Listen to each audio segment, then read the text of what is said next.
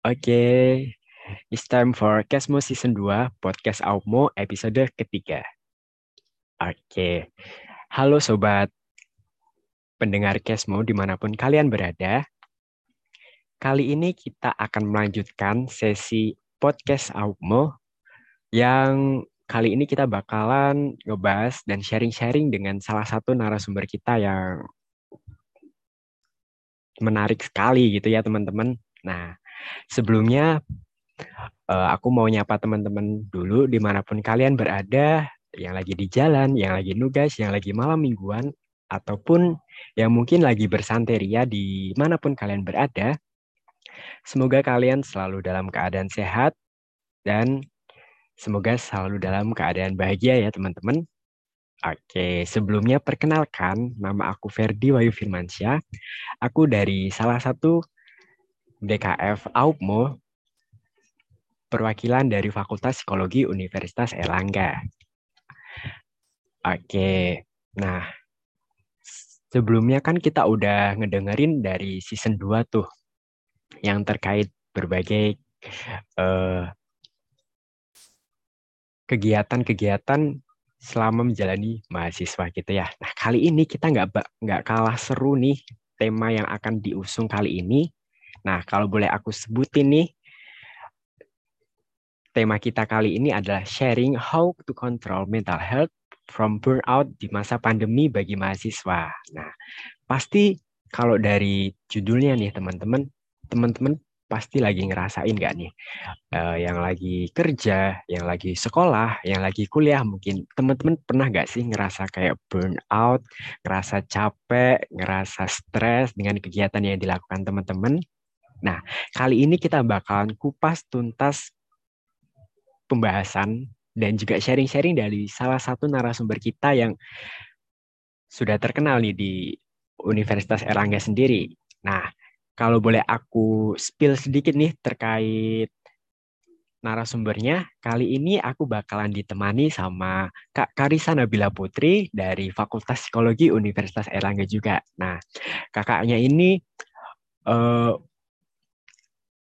dari latar belakang pendidikannya yang sekarang sedang berkuliah di Universitas Erlangga, tepatnya di Fakultas Psikologi dan uh, sedang mengikuti exchange juga nih di John National University. Wah, keren banget nih. Bisa kuliah di dua tempat sekaligus gitu ya. Oke, terus buat experience sendiri di sini banyak banget teman-teman. Uh, Kak Karisa ini pernah jadi peer counselor, terus juga speaker, moderator, terus juga pernah jadi tester, volunteer juga cukup banyak, ada volunteer ISEC, ada volunteer sinar binar, terus juga organisasinya pengalamannya pun juga nggak kalah ciamik nih. Ada pengalaman di Paguyupan Duta UNER, kemudian di kelompok kajian kesehatan mental sebagai asisten peneliti, terus juga di Paguyupan Duta UNER Duta Psikologi UNER. Kemudian juga sebagai ikut berperan juga di BEM KM Fakultas Psikologi UNER nih. Buat awardnya sendiri, ini Kak Karisa juga cukup banyak buat awardsnya. Salah duanya di sini ada second winner of UNER Ambassador dan third winner of Outstanding Student in Fakultas Psikologi Universitas Erlangga dan juga awardee scholarship di John Book National University tadi. Oke. Nah, itu tadi sekilas terkait narasumber kita pada malam hari ini. Nah, oleh karena itu aku mau undang Kak Karisa nih buat join di podcast Aupmo kita kali ini. Oke, sebelumnya selamat malam Kak. Halo, halo, selamat malam Ferdi. Halo semuanya, teman-teman yang lagi dengerin podcast ini. Oke, kalau boleh tahu gimana nih Kak kabarnya sekarang? Lagi apa aja nih? Oke, aku sekarang lagi sibuk nyelesain perkuliahan aja ya teman-teman semuanya uh, kebetulan kan aku tadi udah disebutin juga ya sama Ferdi, aku lagi uh, ngejalanin exchange di sini dan bentar lagi uh, sisa satu ujian lagi tuh aku udah selesai. Habis itu uh, aku juga insya Allah bulan ini juga menjalani sidang skripsi. Jadi mohon doanya ya teman-teman semua mungkin yang lagi dengerin.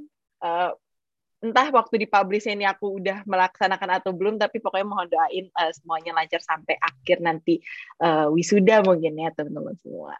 Kalau Verdi sendiri gimana nih akhir-akhir ini? Oke, wah kalau dari aku sendiri nih kak, aku lagi ngejalanin beberapa organisasi gitu ya kak ya, hmm. uh, dan juga kemarin barusan selesai salah satu kepanitiaan gitu juga di fakultas. Ya mungkin sekarang paling ya nugas sama itu sih uh, nunggu-nunggu kabar terkait uas gitu. I see. Wah, ternyata Ferdi juga aktif juga ya. Baik ngikutin kepanitiaan dan ini juga ya organisasi ya. Iya, Kak. Benar. Oh ya, tadi sempat disinggung nih kalau kakaknya bak uh, sebentar lagi bakalan ngadapin skripsi. Semoga nanti dilancarkan selama prosesnya dan juga semoga bisa uh, memperoleh hasil yang terbaik dan sesuai yang diharapkan gitu ya, Kak ya. Amin, amin, amin. Thank you ya. Oke, Oke kalau gitu nih kan tadi kalau aku ngelihat dari CV kakak nih kan kakak juga sebelumnya tuh pernah join di berbagai kegiatan, terus juga hmm. volunteer, kegiatan organisasi dan bahkan mungkin uh, working experience juga gitu ya kak ya. Nah boleh diceritain nggak sih kak uh, selama kuliah ini mungkin dari kegiatan-kegiatan itu kakak udah ngelakuin apa aja dan mungkin sama yang kayak pengalaman organisasi gitu kak. Hmm, Oke, jadi uh, sebenarnya aku bukan tipe yang dibilang dibilang sibuk banget banget banget enggak, tapi mungkin di kalangan teman-teman aku terlihat seperti sibuk ya. tapi dibilang gak sibuk juga enggak gitu. Jadi in the middle sih. Uh, cuman emang bener sih aku aku emang anaknya suka banget nge-explore gitu kan. Uh, mencoba sesuatu yang baru karena uh, kebetulan yang tadi kan dimention aku duta dan segala macam tuh tadinya uh, it's not really that, uh, my passion gitu sebenarnya buat jadi seorang duta, tapi karena aku kepo gitu kan. Emang dunia perdutaan gimana sih? Jadi aku akhirnya masuk. Jadi emang banyak banget kegiatan-kegiatan di uh, psikologi ataupun di luar psikologi gitu yang aku ikutin berdasarkan kekepoanku gitu. Nah, itu salah satunya kayak uh, awal aku di perkuliahan itu aku ikut BEM gitu kan karena emang base aku dari SMA aku juga suka organisasi jadi aku ikut BEM uh, terus baru baru aja di uh, maksudnya baru baru masuk kuliah BEM terus udah jadi sekretariat itu kan benar-benar buat aku agak shock gitu kan. Uh, agak apa ya karena kan tugas BPH itu lumayan lumayan banyak dan berat juga kan. Jadi menurut aku itu adalah salah satu tantangan pertama aku waktu aku menginjak kuliah gitu. Terus juga aku uh, ngikutin aku senang ngikutin volunteer. Ya nggak banyak sih cuman uh, apa ya dari hal-hal volunteer ini tuh banyak banget experience yang aku dapat gitu uh, satu dua volunteer dari yang yang aku pernah ikutin aja tuh menurut aku uh, udah banyak hal yang bisa aku dapetin gitu. Selain itu juga aku uh, tadi peer counselor gitu karena kan emang aku base-nya uh, ya. Uh, aku juga ngambil peminatan gitu. Jadi kalau di psikologi kita bisa ambil peminatan. Nah, itu aku base-nya clinical jadi untuk apa ya? Untuk biar aku tahu dunia kerja di clinical seperti apa, makanya aku ngambil uh, internship itu sebagai peer counselor gitu. Terus juga ya itu tadi uh, ikut duta gitu kan. Ternyata setelah jadi duta itu lebih banyak change-nya aku buat uh, tahu hal-hal uh, baru lagi sih tadi kayak speaker, moderator dan segala macam. Yang awalnya aku tuh bukan tipikal yang ngobrol, eh bukan ngobrol sih, tapi uh, public speaking gitu. Aku aku senang ketemu orang. Tapi untuk public speaking dulu tuh aku bener-bener yang uh, a a a gitu. Lalu kan rasanya ngobrol di depan orang gitu ya, Ferdi. Kayak iya, pasti sih. beda kan, masih kita ngobrol dengan banyak orang biasa gitu, kita ngobrol cicat biasa gini, sama kita nanti disuruh jadi MC, disuruh kayak moderator itu kan feelnya beda gak sih? Mungkin kamu juga pernah merasakan jadi MC gitu dan segala macam yang kayak mengharuskan kamu tuh ngobrol depan orang.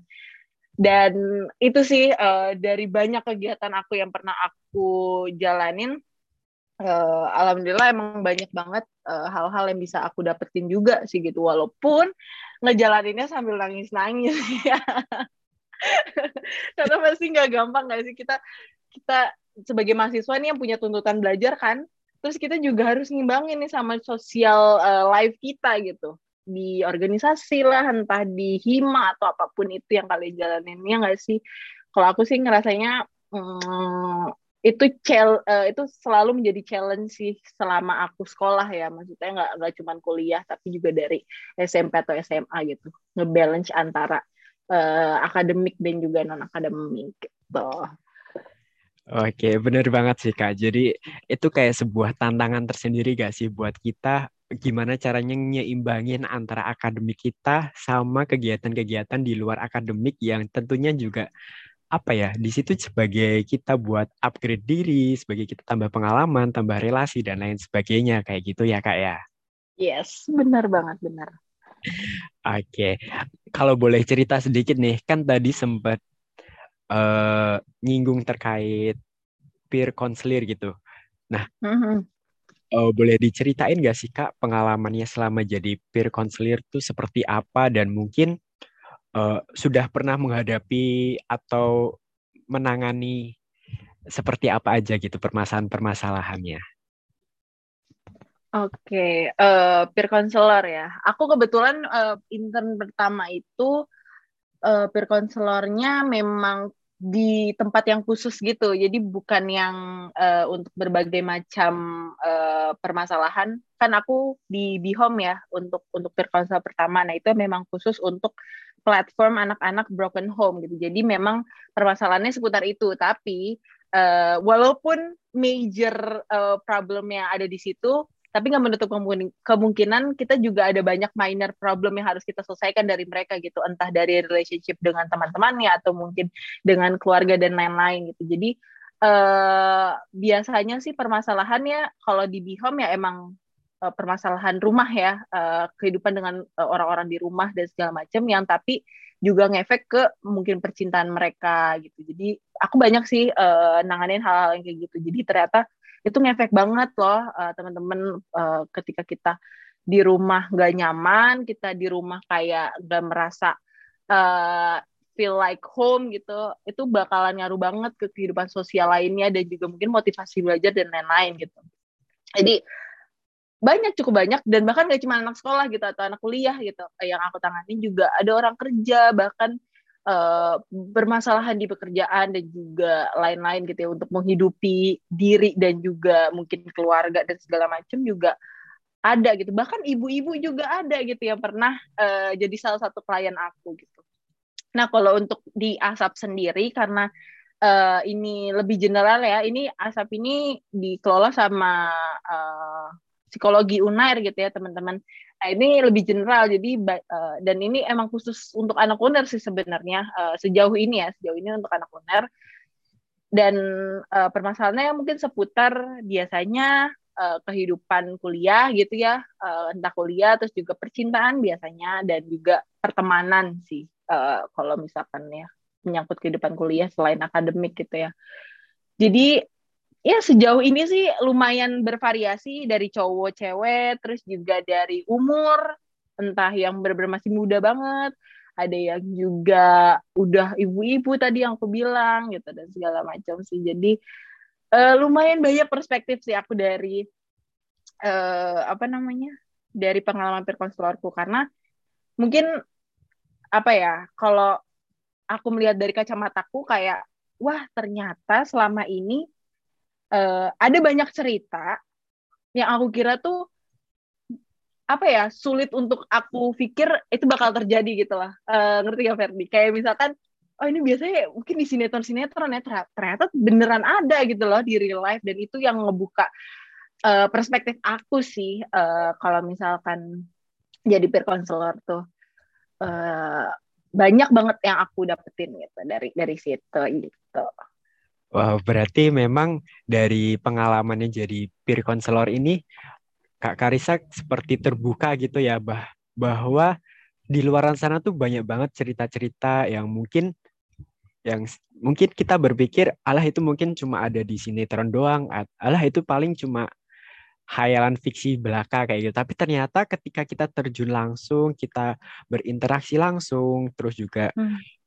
apa ya menjalin komunikasi dengan mereka, itu ternyata di balik itu semua banyak banget cerita-cerita yang out of the box gitu ya dan itu seperti yes. sesuatu yang baru buat kita dan wah di situ sebagai kita buat ngelatih gimana sih kayak kita mengerti apa yang mereka rasakan gitu ya apalagi sebagai yes. peer counselor gitu ya kayak ya. hmm. bener banget bener banget bener banget banyak banget sih aku belajar dari mereka sejujurnya ya karena kayak wow mereka di permasalahan seperti itu sampai sekarang masih bertahan loh kayak aku tuh kadang nggak bisa ngebayangin kalau aku yang ada di posisi seperti itu gitu loh dan itu aku banyak banget sih belajar dari situ dari dari dari mereka Wah, benar banget nih. Jadi teman-teman, kita pun sebenarnya bisa belajar dari mana pun gitu ya. Kita yes. dari pengalaman orang lain, kita ngelihat hmm. dari tayangan-tayangan yang ada mungkin dan mungkin dari uh, apa ya? Kita belajar nggak hanya terbatas ketika dosen atau ketika guru ngejelasin di kelas kita duduk mencatat atau mendengarkan Benar. saja, tapi kita bisa memperoleh berbagai macam insight, berbagai macam wawasan ketika kita bisa uh, apa ya menghadirkan diri kita di di mana pun kita berada gitu di mana pun situasi dan hal-hal yang kita hadapi kayak gitu nah nah tadi kan kak Karisa ini udah sempat cerita-cerita terkait pengalamannya nih terkait berkonselor dan mungkin beberapa hal kayak duta uner dan juga pengalamannya waktu organisasi di BEM gitu ya. Nah, hmm. kalau dari Kak Karisa nih, Oh ya Kak Karisa ini biasanya dipanggil Kak Karisa atau Kak siapa nih enaknya? Aku biasa dipanggil Ica ya teman-teman. Kalau dari sekitaran aku ya dan juga keluarga sih. Oke berarti kalau misal aku panggil Kak Ica juga boleh gak nih? Boleh dong.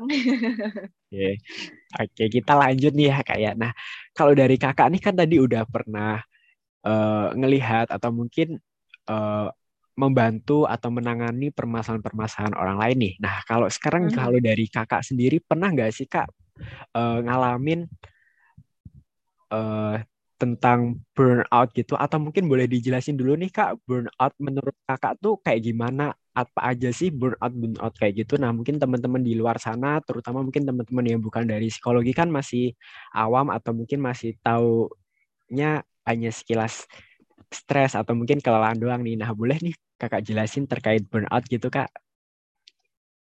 Oke, okay, ya, of course, aku pernah burnout segala macam. Karena menurut aku ya, who doesn't sih uh, se pinter-pinter ya memanage waktu dan segala macam mungkin pasti ada lah slightly kita mengalami yang kayak stres uh, banyak kerjaan dan segala macam gitu Nah ini ini mungkin aku ngasih definisinya bukan yang bener-bener saklek buku atau kayak jurnal gitu ya teman-teman. Ini ini uh, sepemahaman aku dan juga mungkin uh, maksudnya apa ya biar lebih bisa dicerna dari orang orang-orang yang awam sih. Jadi burnout itu apa sih? Mungkin kalian sering banget dengar kan? Karena kayaknya menurut aku ini bahasa yang sering banget dipakai nggak sih Ferdi di dunia maya kayak aduh burnout banget nih gue karena bener, bener. banyak banget kerjaan ya kan itu aku yakin sih semua teman-teman sih udah pasti uh, pernah dengar kata burnout ya. Nah, jadi kak burnout itu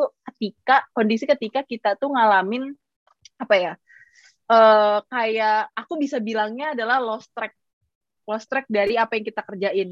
Karena mungkin uh, faktornya bisa dari banyaknya kerjaan, time management yang mungkin yang kurang gitu ya Terus mungkin juga bisa jadi dari tekanan orang-orang yang di sekitar gitu. Mungkin ada ekspektasi dari luar yang bikin kita kayak kita harus kayak gini gitu. Mungkin mungkin bisa aja burnout dari cuma dua kegiatan tuh bisa loh gitu. Menurut aku ya, karena kayak itu bisa dari ekspektasi orang. Misalkan kayak di satu pekerjaan kamu harus dituntut sebagus ini, di satunya lagi kamu harus dituntut seperti ini dan segala macam. Sedangkan mungkin uh, dari segi personality kamu ada bukan seseorang yang seperti itu gitu. Dan itu bisa menjadi burnout juga ketika kita menjalani sebuah pekerjaan itu enggak uh, sesuai dengan track kita. Nah jadi makanya aku aku lebih bisa bilang kalau bahasa aku sendiri ya mengartikan burnout itu kayak sejenis lost track dari apa yang kita kerjain gitu. Makanya kita bener-bener jadi uh, bisa jadi kesel sama hal yang kita kerjain. Padahal mungkin aja hal itu kita suka. Misalkan kayak tadi kan aku bilang aku tuh senang organisasi karena suka ketemu orang dan segala, segala macam. Tapi aku juga pernah burnout karena organisasi gitu loh. Padahal itu hal yang aku suka. Kenapa aku harus kesel sama uh, kerjaan aku gitu loh. Ada itu itu itu yang bisa kita bilang burnout gitu. Jadi kayak istilahnya uh, stres lah gitu. Uh, bisa bilang juga stres gitu. Entah entah mungkin uh, skala kecil atau mungkin bisa jadi besar juga kayak gitu sih kalau kalau menurut aku ya Ferdi. Oke, berarti bisa dibilang burnout ini kita uh, apa ya? Uh, lost track gitu ya. Jadi kayak kita nggak sesuai sama track yang seharusnya kita jalanin gitu ya. Karena mungkin bisa tuntutan orang lain atau mungkin keadaan sekitar atau mungkin hal-hal lain yang itu bisa memicu buat kita jadi ngerasa burnout sendiri gitu ya kak ya. Yes. Yes, yes, benar banget. Oke. Nah, mungkin nih kan kalau bicara soal burnout sendiri kan pasti teman-teman udah pada tahu dan terutama teman-teman yang aktif di dunia maya gitu ya kayak ya. karena memang istilah ini pun sebenarnya nggak nggak baru-baru banget juga gitu ya. Nah, mungkin hmm, tapi benar. Tapi mungkin nih mungkin dari ada dari hmm. bagian teman-teman yang mungkin terutama bagi yang mungkin ya dari yang misal hmm beranjak dewasa atau dan lain sebagainya mungkin masih baru memulai untuk kehidupan remaja dan lain sebagainya nih kan belum tahu nih. Nah, kira-kira kalau dari kakak sendiri bisa kasih nggak kayak ciri-ciri atau gejala-gejala ketika kita tuh udah mulai ngerasa wah kita ini udah kayak tanda-tanda mau burn out nih. Nah, atau mungkin semacamnya gitu, Kak. Hmm, oke. Okay. Biasanya per kalau aku merasakan burnout adalah kayak eh uh, ya pasti ngerasa stres kayak ngerasa tertekan banget nih ngerjain kok jadi nggak enjoy ya karena pernah gak sih kayak ngerasainnya awal-awal tuh kayak gitu kalau burnout kan kamu pasti juga pernah burnout gak sih uh, Ferdi itu kan iya. pasti awal-awal kayak berawal dari kayak ngerasa kok nggak enjoy ya gue ngerjain ini gitu. Kayak kok berat banget? Padahal sebenarnya mungkin itu nggak nggak seberat itu loh kerjaan itu. Dan mungkin itu biasanya kamu lakukan selalu gitu. Kan dulu uh, aku ambil contoh aja deh aku ambil contoh kan dulu aku sekre gitu kan uh, di bem. Aku biasa ngurus surat biasa ngurus proposal dan LPG dan segala macam gitu. Itu hal yang biasa aku lakukan. Tapi ada satu titik di mana yang kayak aku tuh ngerasa kok berat banget sih ngurus surat doang gitu loh kok kayak kayak bener-bener tertekan gitu nah itu itu aku notice itu adalah hal yang pertama yang pasti aku rasain. Terus yang kedua bisa jadi uh, ke tahap yang kayak udah makin berantakan nih tuh, ke segala aspek lainnya gitu. Misalkan aku jadi kayak gak tahu how to manage my time gitu. Gimana sih caranya ngebalance kayak aku harus ngurus organisasi dan juga akademik gitu. Terus juga aku pasti ngerasa capek. Aku ngerasa capek, aku ngerasa kayak maksudnya capeknya tuh bukan cuman fisik gitu, tapi kayak batin gitu. Ya nggak sih? Kayak pasti rasanya tuh kayak pengen nangis mungkin ya pengen marah kan? Kita lagi burn out ya kan? Terus kayak rasanya tuh ah udahlah pengen pengen istirahat aja. Nah itu kalau udah kadang tuh biasanya udah udah di posisi yang kayak udah pengen istirahat. Itu tuh aku langsung notice tuh aku biasanya kayak oh itu burn kayak aku lagi burn out deh kayak gitu kan lagi banyak banyak hal yang aku lagi kerjain terus juga bisa sampai tahap aku pernah sampai di tahap yang kayak agak menarik diri juga gitu. Nah itu juga bisa mungkin jadi salah satu uh, ini sih uh, faktor gitu kan. Eh bukan faktor ya, maksudnya ciri-cirinya gitu kan. Jadi kayak aku jadi mager interaksi sama orang, demot lah bahasa bahasa yang sering lah dikenal sama orang-orang demot demotivation gitu kan. Uh, buat ngelakuinnya nggak sih? Benar banget. Gak tau sih mungkin kadang ada orang yang nggak sampai narik diri juga, cuman kalau aku sih pernah ya ada sekali sih alhamdulillah maksudnya nggak nggak selalu gitu ya sekali dua kali lah aku pernah yang kayak bener-bener sampai akhirnya aku rest gitu seminggu dari per uh, apa namanya perorganisasian dan segala macam karena kan kebetulan aku organisasi nggak cuma bem ya uh, ini kalau tadi mungkin uh, Ferdi sebutin kan ada paguyuban uh, duta uner dan juga duta sipil nah itu kan juga sebuah organisasi ya sebenarnya. Nah itu di situ sih uh, di, uh, di organisasi itu kayak aku tuh kadang ngerasa burn out kayak gitu kan di tiga organisasi itu pasti. Terus uh, ya itu sih biasanya aku paling paling sering burn out ya karena uh, ciri-cirinya kayak aku ngerasa nggak enjoy aja gitu sama kerjaan aku. Ngerasa kayaknya banyak banget nih yang gue kerjain padahal sebenarnya ya elah cuma mungkin tiga biji gitu kan. Tapi uh, tapi kerasanya tuh banyak kayak semua orang tuh ngasih kerjaan padahal mungkin sebenarnya nih kalau kita lagi dalam kondisi state yang uh, biasa aja gitu kan itu pasti bisa loh kita ngerjain pelan-pelan. Ayo dipilah-pilah gitu kan uh, kerjaannya. Nah kalau lagi burnout kan kita nggak istilahnya pikiran kita lagi nggak clear kan. Nah itu jadi ngerasanya tuh kayak beban banget nih semua kerjaan gitu itu sih aku biasanya uh, mungkin uh, kita kita saling ini aja ya tuh cerita mungkin kalau kalau Ferdi uh, ada yang lain nggak tuh kira-kira mungkin kalau misalnya sepemahaman Ferdi juga ya. Oke, kalau dari aku sih kalau boleh share pengalaman gitu ya kayak kan yang terkait burnout ini aku juga pernah nih ngalamin burnout. Nah, waktu hmm. itu uh, awal mulanya tuh nggak nggak terlalu nggak terlalu kerasa gitu ya kak ya. Karena memang uh, awal aku join organisasi itu berjalan lancar kayak it's flow kayak it's okay gitu. Gak gak ada masalah mm. gitu. Nah tapi ketika tambah semester dan tambah kayak tambah naik jabatan kayak gitu di situlah aku mulai ngerasain oke okay, I'm kayak aduh aku capek banget harus ini harus itu terus yang belum organisasi ini organisasi yang itu terus belum lagi tugas kuliah terus kuliah jadwal kuliah juga dan mungkin apa ya kegiatan-kegiatan lain yang apalagi kan pandemi ini kan aku juga pulang hmm. ke rumah nih ya kak ya nah kan jadi kan kayak kadang tuh ada semacam kegiatan tambahan gitu loh kak di rumah entah uh, dipanggil di, di apa ya disuruh bantuin ini mungkin atau mungkin ya sekedar disuruh gantiin sebentar atau semacamnya kayak gitu tuh hmm. apa ya jadi kadang tuh ngerasa Oke, pikiranku gitu ya, ke mana nih? Aduh, gitu ya. bingung. Hmm. Yang ini, ya ini belum, ya ini belum. Terus ditambah ini, apalagi ketika hmm. ketika itu lagi di kelas gitu ya. Aku kadang tuh ngerasa, hmm. aduh, how? Aku kudu gimana? Aku kudu piye gitu. Hmm. Kayak bener banget. Wah, dan apa ya? Kadang tuh bener sih kak yang sempat dijelasin gejala tadi itu kadang tuh aku juga ngerasa capek terus kadang kayak hmm. tekanan kadang pun hal-hal yang sebenarnya bisa dikerjain pelan-pelan dipilih satu-satu yang sekiranya bisa uh, kayak mungkin lebih pelan-pelan gitu kadang rasanya aduh berat banget harus harus ini harus kayak semua hmm. kayak numpuk jadi satu gitu kak kayak Bener. wah aku harus mulai dari mana ini aku harus gimana apalagi kalau udah ketabrak demotivasi gitu kayak aduh uh-huh. aku rasanya pengen tidur gitu kadang kadang memang bener banget aku juga kadang pelarianku ketika aku beneran ngerasain kayak kelelahan banget aku hmm.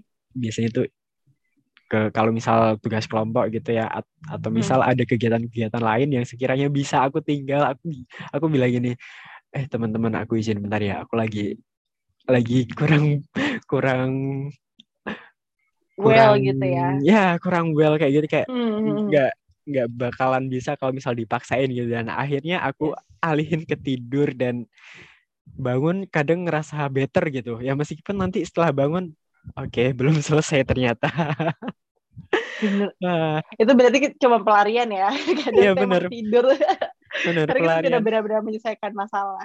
Ya, bukan penyelesaian sebenarnya, cuma kepelarian hmm. aja gitu. benar.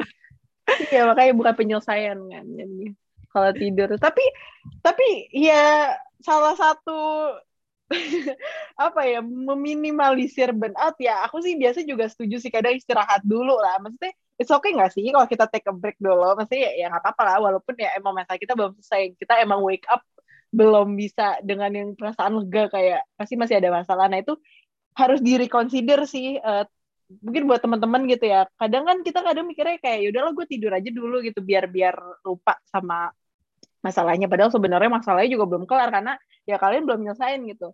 Jadi ya sebenarnya istirahat nggak apa-apa nggak sih uh, buat kita take a break dulu kan Ferdi kayak Iya bener. at least uh, nenangin pikiran karena kan biasanya kalau habis tidur kita kan relax ya jadi bangun-bangun Ya. maksudnya nggak separah itu nah eh, tapi tetap bangun-bangun harus diselesaikan lah problemnya ada apa sih gitu dengan dunia ini gitu kan nah aku bener banget sih tadi poin yang kamu soal apa sih pandemi ya itu malah akan nambah burnout karena mungkin kan ada banyak eh, kalau apa gini anak rantau ya. Mungkin kalau yang bukan anak rantau mungkin eh, nggak terlalu relate ya dengan dengan tugas tambahan yang tadi kamu bilang itu. Karena Ya. eh, aku one of them gitu ya. Aku aku anak rantau juga. Dan em, ketika kita nyampe rumah gitu kan terus banyak hal yang ternyata nggak yang nggak cuman kuliah aja nih sama organisasi yang kita urus juga tapi kerjaan rumah juga nih gitu kan dari orang tua dan segala macam. Jadi mungkin beberapa orang pasti ngerasain kayak lebih burn out waktu pandemi gitu apalagi juga pandemi kan awal-awal kita nggak boleh keluar kan nggak bisa bersosialize gitu maksudnya sosialisasi cuma dunia maya itu kan bisa tambah makin uh otaknya bisa wow Boom, bener banget bisa sih Kak. surprise banget gitu Wah, bener banget sih.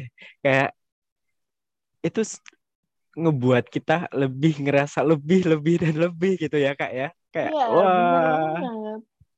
Malah yang Oke. tadinya maksudnya eh, awalnya mungkin kita pernah ngerasain burnout cuman di skala tiga gitu ya, tiga per lima gitu. Ntar kalau misalnya pas pandemi bisa jadi empat atau lima gitu kan ya nggak sih? Bisa Oh, jadi dua kali banget. lipatnya juga. Ah, bener banget sih kak. Terutama kalau apalagi kalau pandemi gitu kan kita terbatas gitu ya kayak buat sosialis. Padahal sosialis itu kadang biasanya bisa ngurangin kita kayak ah kita ketemu temen seneng banget kayak bisa interaksi, bisa tuker makanan atau mungkin at Bener. least sekedar jalan-jalan ke mana pun itu bisa kayak kayak ngurangin dikit gitulah burnout yang kita Mm-mm. rasain gitu ya. Wah, Bener banget. Bener, bener, sejak bener. pandemi jadi terbatas akhirnya ke dunia maya. Dunia maya kadang isinya high standard, high Iya. standard dan wah tambah boom banget buat burnoutnya itu. Aduh, Bener banget. Bener, bener, bener. Apalagi kayak kalau kita dengerin ya berita COVID dan segala macam kan juga bikin kita makin stres juga nggak sih? Jadi emang banyak banget sih challenge-nya nggak sih pandemi ini. Cuman dari challenge juga banyak banget sih pelajaran yang bisa aku dapet dan segala macam sih syukurnya gitu. ya bener banget sih, kayak challenging banget dan di situ kadang kita Yes. kita ternyata kalau kita rasain kalau kita eh apa ya ada di itu ternyata kita bisa ambil hikmahnya juga sih kak ya kayak Hmm. wah ternyata di sini kita bisa menjadi pribadi yang mungkin bisa lebih eh survive gitu ya terkait burnout ini kadang kadang kita ngerasa nggak sih kalau kita bisa bisa aja kita lebih kuat daripada sebelumnya gitu kalau misalnya wah sebelumnya banget. kena sedikit aja udah wah wah kayak gitu kayak gitu.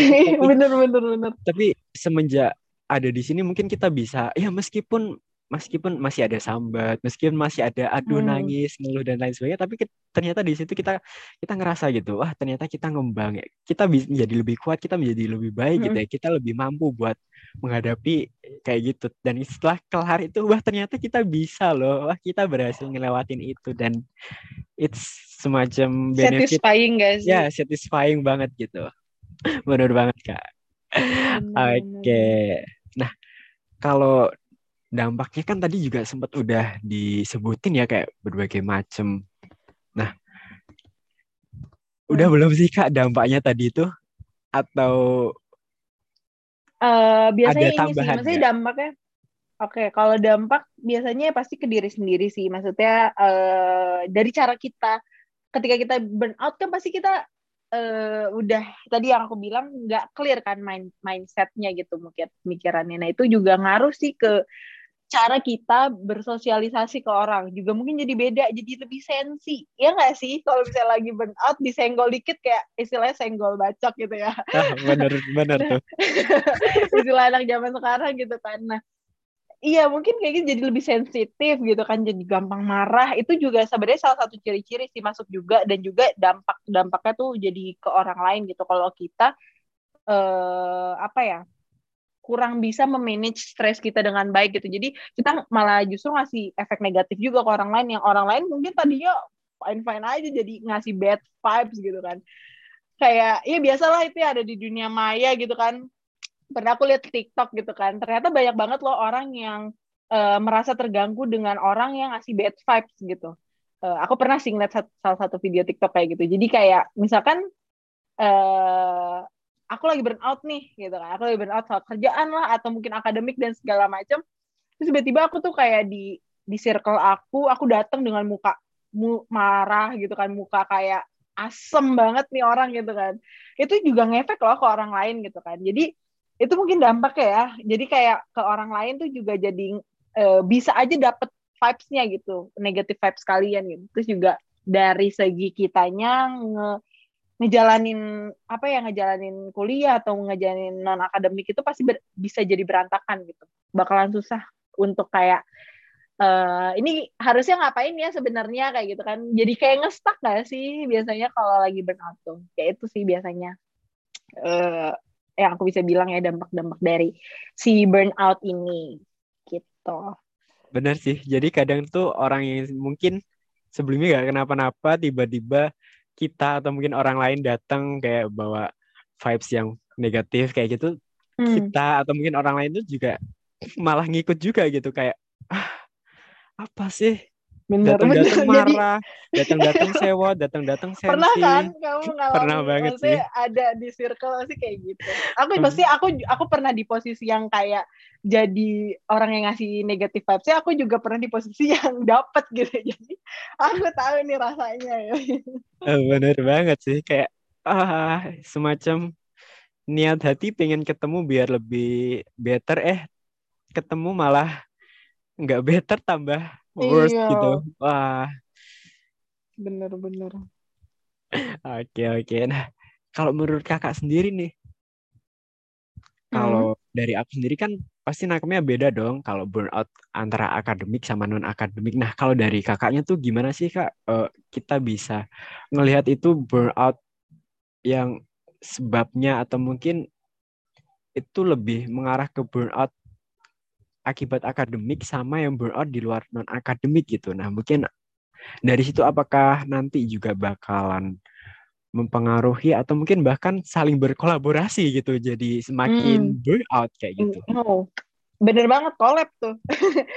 Istilah zaman sekarang collab tuh. Dua dua hal itu jadi malah uh ya, aku pernah maksudnya aku bahkan akhir-akhir ini loh uh, kebetulan maksudnya 2021 adalah tahun yang menurut aku unexpected yang pertama kenapa? Satu aku nggak expect aku bakalan masuk duta unair gitu. Kayak itu full of surprise sih tapi blessing juga. Terus kan berarti ada satu tuntutan yang uh, ada satu tanggung jawab gitu istilahnya yang harus aku kerjakan di tahun ini gitu kan. Terus yang kedua adalah aku exchange. Ini sama sekali nggak aku rencanakan dari tahun lalu. Bener-bener aku tuh baru baru kepikiran kayak aku iseng uh, aku lagi iseng lihat sosial medianya Global Uner ya itu yang tempat aku dapat exchange juga. Terus kayak ih tertarik nih ikut deh gitu kan iseng-iseng daftar ternyata keterima oke okay, jadi terbang gitu kan sekarang di sini. Dan itu hal kedua yang aku unexpected gitu. Jadi aku kan berarti istilahnya aku ada tanggung jawab dan tuntutan untuk menyelesaikan studi di dua tempat lah istilahnya. Karena aku juga sekalian ngambil skripsi kan. Uh, kebetulan emang aku udah tinggal skripsian semester ini.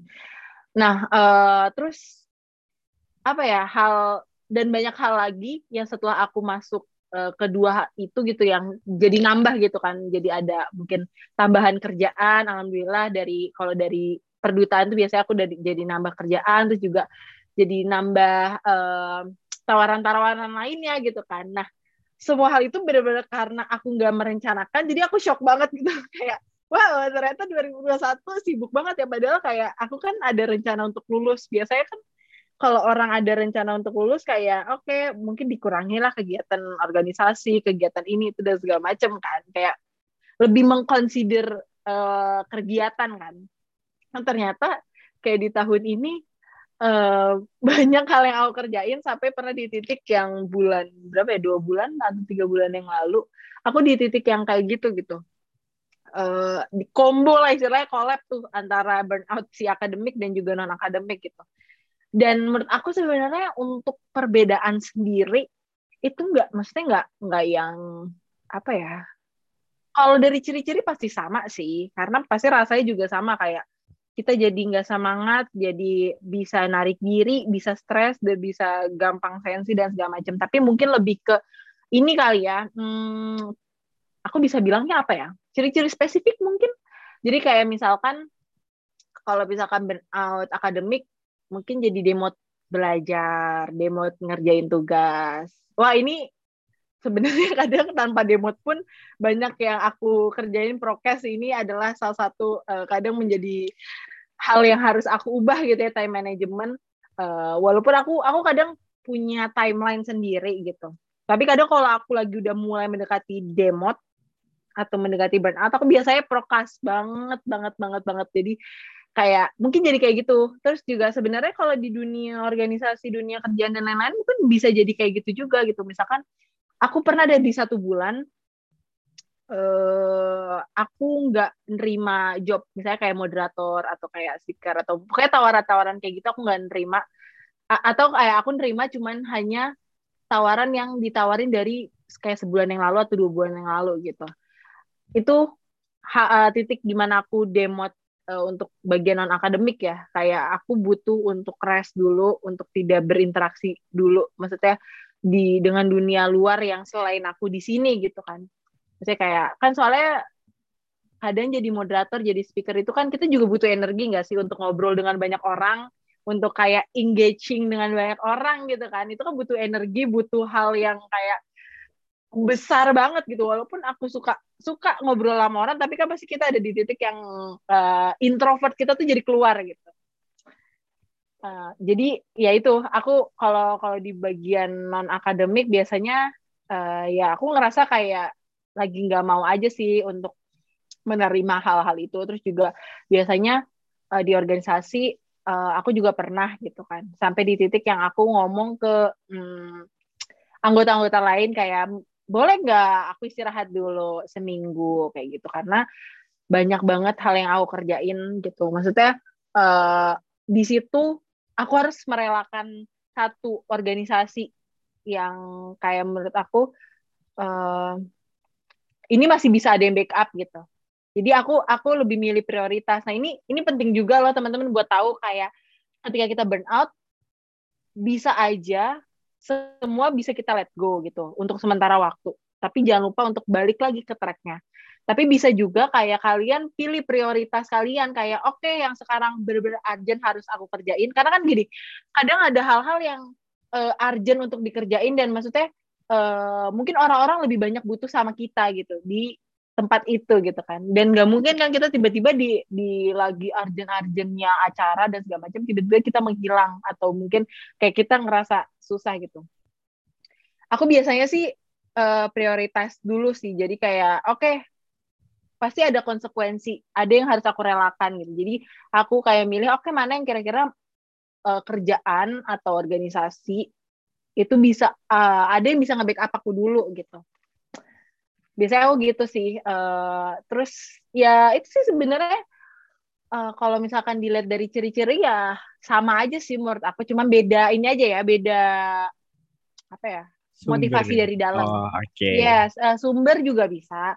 Terus juga motivasi dari dalam, maksudnya kayak kita kalau belajar kan jadi demot belajar. Kalau misalkan organisasi, demot gitu kayak, uh, maksudnya kita nggak mau berinteraksi dengan banyak orang. Kayak gitu sih biasanya. Oke, okay, wah. Kayak bisa dibilang memang apa ya, buat burnout sendiri pun ciri-cirinya dan mungkin hmm. sama aja gitu ya, hanya hanya aja mungkin uh, dari internalnya kita, dari sumbernya itu yang beda gitu. Tapi nggak jauh beda banget gitu ya kak ya buat burnout itu sendiri baik akademik maupun non akademik gitu ya. Hmm, benar benar benar. Tadi aku sempat terperangah kayak wow banget gitu loh tahun 2021 pencapaian Kak Ica ini kayak di luar di luar ekspektasi, di luar ekspektasi tapi ternyata itu wah keren banget gitu kayak duta uh, jadi duta uner. Kalau nggak salah wakil satu nggak sih kak? Aku agak lupa. Iya, alhamdulillah, benar-benar. Uh, wakil satu duta uner, terus juga kesempatan exchange kayak iseng-iseng berhadiah banget gitu gak sih kak? Kayak beneran bisa terbang ke Korea gitu ya? Wih gila benar, sih. Benar Kalau boleh tahu sekarang lagi musim dingin kah? Iya, ini pas banget loh, uh, teman-teman. Kemarin baru banget turun salju yang lumayan banyak lebat. Terus tadi juga sebenarnya kan aku hari ini abis ini ya, abis vaksin kan, abis booster yang uh, vaksin ketiga gitu di sini. Nah, karena aku tidur, tadi juga katanya sih ada salju ya. Jadi kayaknya aku miss the moment sih untuk wow. yang kedua kalinya. Iya nih lagi perlu dijaga tubuhnya lebih karena kan musim dingin. Uh, biasanya penyebaran COVID lebih lebih wow lagi kan dan emang kebetulan ini intermezzo sedikit ya teman-teman kebetulan emang di Korea ini uh, kasusnya lagi naik banget sih jadi makanya semua warganya kalau bisa untuk daftar booster daftar booster gitu jadi untung untungnya masih di sini administrasi dan segala macamnya cepat untuk untuk vaksin nih jadi aku baru daftar kayaknya dua hari yang lalu langsung dapat hari eh, maksudnya aku aku kayak ngebooking ngebookingnya juga bebas gitu loh jadi aku bisa mau kapan aja aku uh, vaksinnya gitu. Jadi aku milih hari ini sih. Itu biar aku bisa istirahat juga dan segala macam. Gitu. Wah, berarti apa ya? Bisa dibilang kayak kayak pencapaian ini uh, di satu sisi semacam bless dari Kak Karisa ini di satu sisi juga semacam apa ya kayak tambahan uh, ya bukan tekanan sih tapi kayak uh, ada ada yang mungkin bi nih bisa ningkatin lah kayak kadang ngerasa wah sibuk jadi tambah kesibukannya nambah jadi tanggung jawabnya juga nambah fokusnya juga nambah kayak gitu ya kayak ya. apalagi hmm. kondisi sekarang kalau dan tadi kak Ica cerita lagi di Korea lagi naik dan perlu booster juga gitu ya apalagi mm -hmm. di musim dingin ya semoga Kak Karisa di mana pun berada dan teman-teman semua di sini dijauhkanlah dari COVID dan kalau bisa tetap stay safe di mana pun kalian berada tetap sehat-sehat gitu ya karena memang ini bukan masalah sepele gitu serius banget gak sih Kak COVID ini kayak hmm. uh, bahaya banget bener gitu. bener bener Oke nih kan tadi tadi kita udah sharing-sharing banyak banget nih terkait pengalaman, sharing-sharing juga, terus juga disebutin nih terkait ciri-ciri, dampak, terus juga yang berkaitan sama akademik dan non akademik. Nah, kira-kira nih kak kalau dari kakak sendiri gimana sih cara kita ngehindari atau mencegah tadi kan sempat disebutin ya skala prioritas nih. Nah mungkin bisa di jelasin lagi atau mungkin ada tambahan-tambahan gitu Kak terkait gimana sih cara kita biar kita bisa ngehindarin atau mencegah kita dari rasa burnout itu?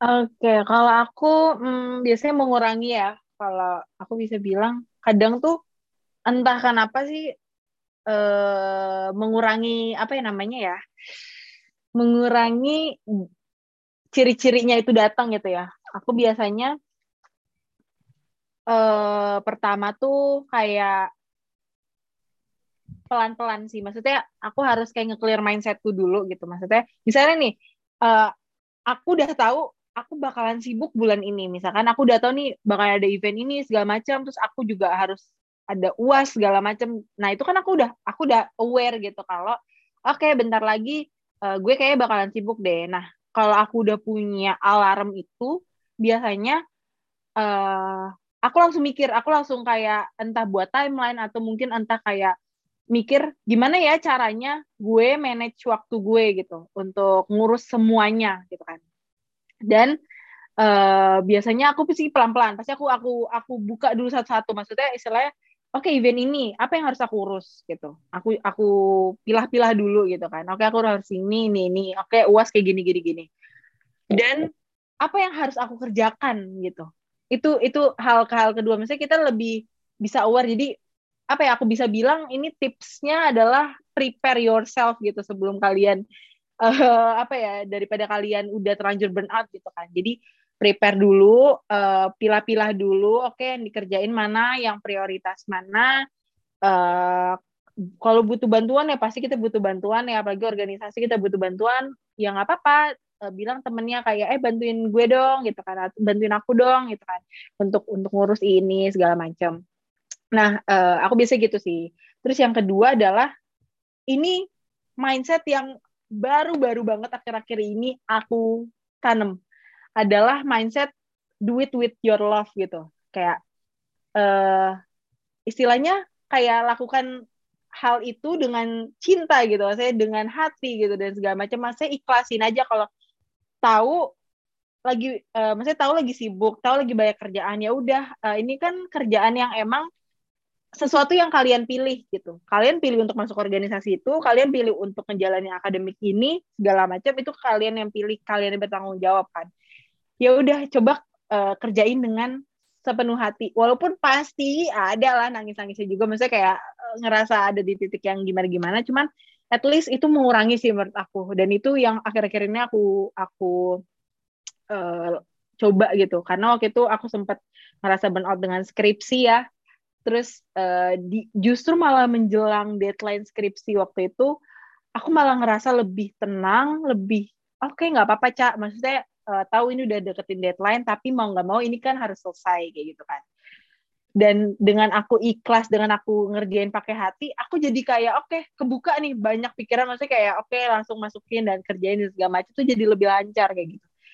Pokoknya bener-bener Uh, kalau bisa sih kalian prepare yourself aja sih apa sih yang harus jadi prioritas kalian dulu apa yang harus kalian kerjain segala macam tuh kalian pilah-pilah dan kalian breakdown lagi gitu kerjaan terus yang kedua mungkin kalau misalkan emang udah ngerasa ada alarm-alarm yang emang udah masuk ke situ uh, kalian bisa ini sih bisa ngelakuin hal-hal yang menyenangkan gitu. Aku aku akhir-akhir ini juga ngelakuin meditasi uh, lewat app atau lewat YouTube segala macam gitu. Karena menurut aku lebih biar lebih rileks aja ketika bangun, ketika tidur gitu kan. Atau misalnya ketika tidur aja juga gak apa-apa. Jadi biar tidur tuh nyenyak gitu, nggak kayak bangun-bangun kayak dikejar sama deadline, dikejar sama tuntutan tanggung jawab dan segala macam gitu. Kalau menurut aku ya. Terus juga uh, ya itu sih sebenarnya lebih ke time management ya teman-teman. Kenapa kadang bisa kita bisa burnout adalah yaitu uh, time management mungkin bisa jadi kurang gitu kan. Terus juga sama uh, ini sih less expectation menurut aku. Kayak kenapa less expectation? Karena biasanya tanpa kita sadarin tuntutan atau ekspektasi yang kita dapat dari orang lain itu sebenarnya dari diri kita sendiri gitu loh. Paham gak sih maksudnya? Kayak yeah. misalkan gini.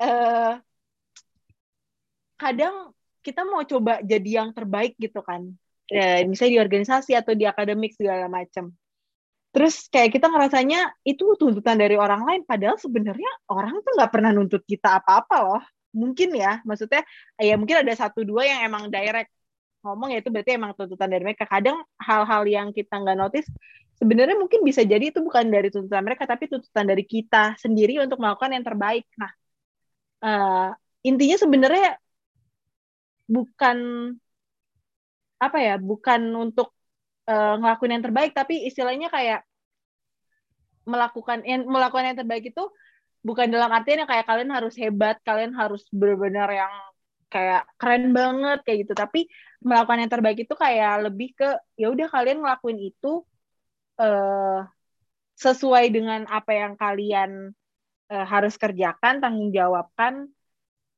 tapi juga tetap berikan itu yang terbaik. Tapi sisanya uh, sisanya tuh ya udah gitu. Gak usah kita pikirin kayak kayak harus keren lah harus kayak bener-bener perfect. Karena kan emang gak ada yang perfect juga kan gitu kan. Jadi itu sih less expectation untuk diri kita sebenarnya ya. Maksudnya kita harus lebih sadar kayak ini ekspektasi sebenarnya datang dari diri kita loh. Itu biasanya bisa bikin burnout juga gitu kan. Karena sejujurnya itu aku ngomong berdasarkan pengalaman. Karena aku adalah tipikal yang perfeksionis sebenarnya jadi kadang ada hal-hal yang aku tuh pengen ngerjain tuh harus perfect segala macam. Nah itu ternyata itu ada ekspektasi dari diri aku sendiri. Dan sekarang aku belajar aku akhir-akhir ini belajar untuk kayak menurunkan ekspektasi untuk diri aku sendiri. Gitu sih. Itu ya tips and trick aku. Yang pertama yaitu time management pilah-pilah dulu. Do it with your love gitu ya. Do it with your heart gitu. dan ya sisanya uh, coba minta bantuan orang lain juga gitu. Karena kan kita nggak mungkin ngelakuin sendiri nggak sih semuanya? Ya, gitu. Bener banget sih. Kayak wah kita perlu clear mindset kita dulu nih. Kita juga aware gitu ya uh, kesibukan kita bakal ngapain aja. Kita. Kalau Hmm. bisa kita pilah-pilah dulu mana yang prioritas, mana yang kita bisa minta bantuan ke yang lain. Dan mungkin sebisa Yes. mungkin kita persiapan biar nanti nggak terlalu mendadak yang itu justru malah bikin kita burnout banget gitu ya kak ya. Terus juga Yes, bener banget. terus juga kita lakuin apa pun itu dengan ikhlas, dengan senang, sepenuh hati dan itu bakalan lebih kayak memberi makna gak sih kak daripada kita sekedar ngerjain aja kelar udah kayak gitu. Jadi kayak rasa itu semacam tuntutan yang kalau udah selesai ya udah gitu kayak kita nggak bisa Bener. ngerasain apa sih yang kita lakukan dari situ tuh apa yang kita dapetin apa sih yang kita lakuin tuh bakalan em, apa ya istilahnya kayak bikin kita bertumbuh dan lain sebagainya kayak gitu dan Hmm, juga Bener-bener. lakuin hal-hal yang menyenangkan sih jadi kadang ada di mana rasanya kita kayak udah capek sedih terus kayak lagi ngerasa nggak enak dan lain sebagainya. Di situ kita mungkin bisa kasih semacam hal-hal yang menyenangkan gitu ya. Jadi kita bisa ngeboost kembali kita bisa apa ya lebih balik lagi semangatnya baik lagi senangnya. Jadi Yes. kita bisa mencegah burnout itu gitu. Jangan lupa time management dan kurangi ekspektasi biar nggak terlalu nurutin ekspektasi orang lain yang mungkin ketinggian dan ataupun mungkin ekspektasi kita akibat berkaca dari orang orang lain tuh yang malah membuat kita semakin too high standar gitu ya padahal Yes. kita nggak harus selamanya perfect gitu yang penting kita bisa melakukan yang kita terbaik yang bisa kita lakukan gitu ya kayak Yes, yes, bener banget, bener banget. Em, poin yang menyenangkan tuh emang emang paling ini sih, menurut aku juga bisa jadi selingan istilahnya. Aku aku bisa bilangnya apa ya selingan sih, karena kadang tuh kalau aku lagi ngerasa banyak kerjaan, at least aku menyempatkan diri setidaknya satu jam, aku spare kayak satu jam, dua jam di hari itu eh, untuk kayak aku nonton nonton satu series lah gitu satu episode. Tapi jangan kebablasan juga gitu. Biasanya kan kalau udah nonton apalagi nonton kayak drama gitu ya. Wah bisa maraton tuh kak Mm-mm, kayaknya aku lihat orang-orang kan aku emang nggak nonton sih. Cuman maksudnya kayak aku lihat orang-orang tuh eh, pasti bisa kebablasan. Nah itu at least spare waktu untuk kayak nonton atau dengerin musik gitu juga bisa gitu ya nggak sih? Kayak pasti enak juga deh ngerjainnya dengan hati itu. Bener tadi eh, biar kita tuh ngelakuin itu apa ya ada maknanya juga dan kita bukan do it for nothing gitu karena ketika kita kayak lagi stres kayak dan kita maksa untuk ngerjain itu tanpa pakai hati menurut aku kita sia-sia aja sih kayak dapetnya capek doang gitu loh. Kayak apa yang kita dapet gitu. Ya nggak sih? Kayak Bener ya banget. udah yang kita dapet ya udah ya udah itu doang. aja. itu dan selesai. doang. Dapat selesai dan dapat capek. Udah gitu doang. Tapi kita kita nggak ada nggak bisa nggak bisa mikir kayak oh maknanya apa sih kita dari ngelakuin ini? gitu. Ya nggak sih? Bener banget sih kak paling kerasa ya Yes. paling capeknya doang gitu ya kita nggak bisa dapat hal yang bisa kita petik dari kita ngelakuin kegiatan itu dengan sepenuh hati gitu ya kak ya yes betul banget Wah, gak kerasa nih. Kita tadi udah sharing-sharing cukup banyak nih terkait burnout, sharing-sharing pengalaman. Bahkan kita tukar cerita nih pengalaman kita terkait burnout, apalagi di masa pandemi gitu ya. Nah, gak kerasa banget nih udah berapa menit. Kayaknya udah hampir lebih dari 45 menit ya kak ya. Kita ngobrol. Yes. Karena nggak kelihatan nih recordingnya. Jadi kayaknya satu jaman deh mungkin. Wah udah mungkin nyampe satu jam kali ya kak. Wah, satu jaman loh malahan. Wah, tadi kita udah sharing-sharing banyak banget hal-hal yang mungkin bisa teman-teman yang dengerin nih dapat insight baru, dapat pengalaman baru atau mungkin teman-teman bisa belajar dari pengalaman-pengalaman kita terutama dari pengalaman Kak Ica ini yang ah keren banget terutama dalam hal bagaimana sih cara kita mengontrol dan bagaimana cara kita manage juga mengurangi dari burnout itu sendiri nih. Sebelumnya aku juga mau ngucapin terima kasih banyak buat Kak Ica udah menyempatkan waktunya di tengah kesibukannya tadi yang kuliah terus jadi eh, join di organisasi kesibukannya di Duta UNER dan dan mungkin sekarang lagi sibuk persiapan bukan persiapan sih lagi ngerjain skripsi dan lain sebagainya kayak gitu terima kasih banget udah nyempetin waktu buat sharing-sharing bareng sama aku dan juga teman-teman yang ngedengerin ini di mana pun kalian berada, baik teman-teman Kesmo maupun teman-teman di luar bidik misi KIPK. Ini semua buat kalian semua karena di sini kita sharing-sharing buat teman-teman bisa memperoleh hal yang mungkin belum atau mungkin teman-teman belum dapatkan kayak gitu. Oke, dari aku yes, yes. mungkin itu. Nah, sebelum beneran di closing nih, nah mungkin dari Kak Karisa ada semacam closing statement gitu kah dari Kak Karisa buat podcast ini dan mungkin buat teman-teman di luar sana nih. Oke, okay. uh, eh, pertama mungkin aku say thank you dulu kali ya buat teman-teman yang udah ngundang aku juga karena senang deh maksudnya ini adalah hal yang uh, relate banget nih akhir-akhir ini aku alamin soal burnout. Jadi aku senang banget bisa, aku happy banget bisa sharing juga karena kebetulan aku juga dapat insight baru juga dari burnout aku yang baru-baru ini gitu. Jadi I'm so happy untuk sharing ke kalian. Terus uh, mungkin untuk closing statement ya, apa ya sebenarnya mungkin lebih ke tadi sih uh, pertama adalah ketika kalian sudah memilih untuk uh, melakukan sesuatu hal, entah organisasi, kerjaan, akademik segala macam, itu adalah uh, itu merupakan satu tanggung jawab kalian. Dan gimana caranya kalian pegang tanggung jawab itu adalah kalian tuh bisa uh, ngelakuin itu dengan apa ya? Bukan untuk mencari uh, pengakuan kalian hebat dan segala macam tapi lakuin aja yang terbaik yang bisa yang kalian lakuin gitu uh, tanpa ekspektasi dan segala macam. Jadi uh, do it with your love gitu kan uh, kurangi apa ya ekspektasi diri kalian biar kalian juga nggak burn out gitu. Terus tetap uh, jangan lupa untuk uh, istirahat. Kalau emang kalian butuh jangan terlalu maksain diri. Uh, minta bantuan kalau kalian butuh bantuan gitu. Dan pasti kita pas butuh bantuan udah pasti banget. Jadi uh, jangan sungkan untuk minta bantuan dengan orang-orang terdekat gitu. Pokoknya intinya adalah uh, lakuin sesuatu itu uh, dengan apa ya dengan penuh cinta dan hati gitu. Jadi biar dapat maknanya juga. Tadi aku sedikit mengutip ya jadinya dari Ferdi. itu sih kalau dari aku buat teman-teman reminder aja ya teman-teman semua. Gitu. Oh iya mohon maaf kalau misalnya mungkin ada banyak salah kata juga ya dari aku tadi. Mungkin ada salah persepsi dan interpretasi.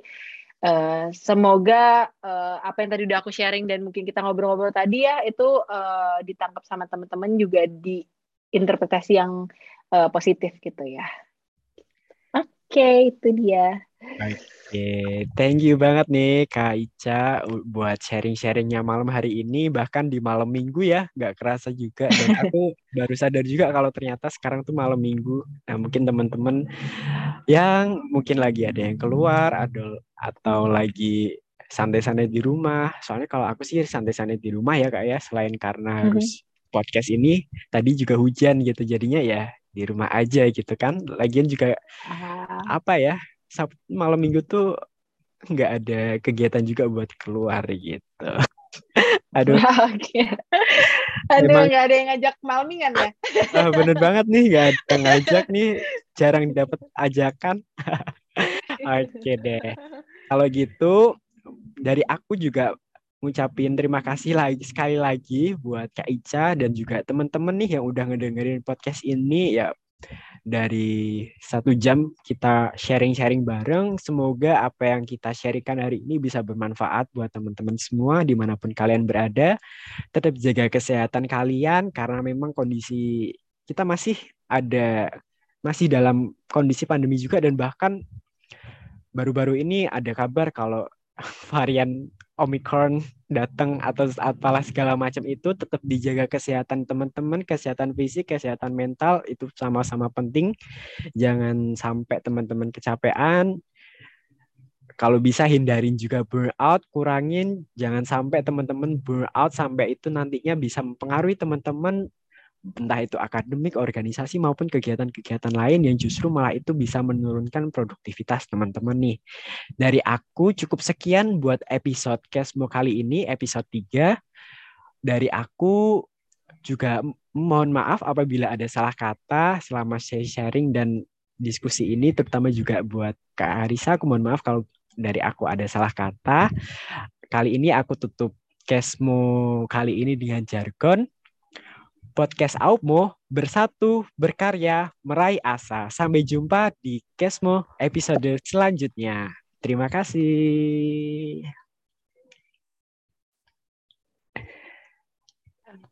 Oke, aku stop dulu.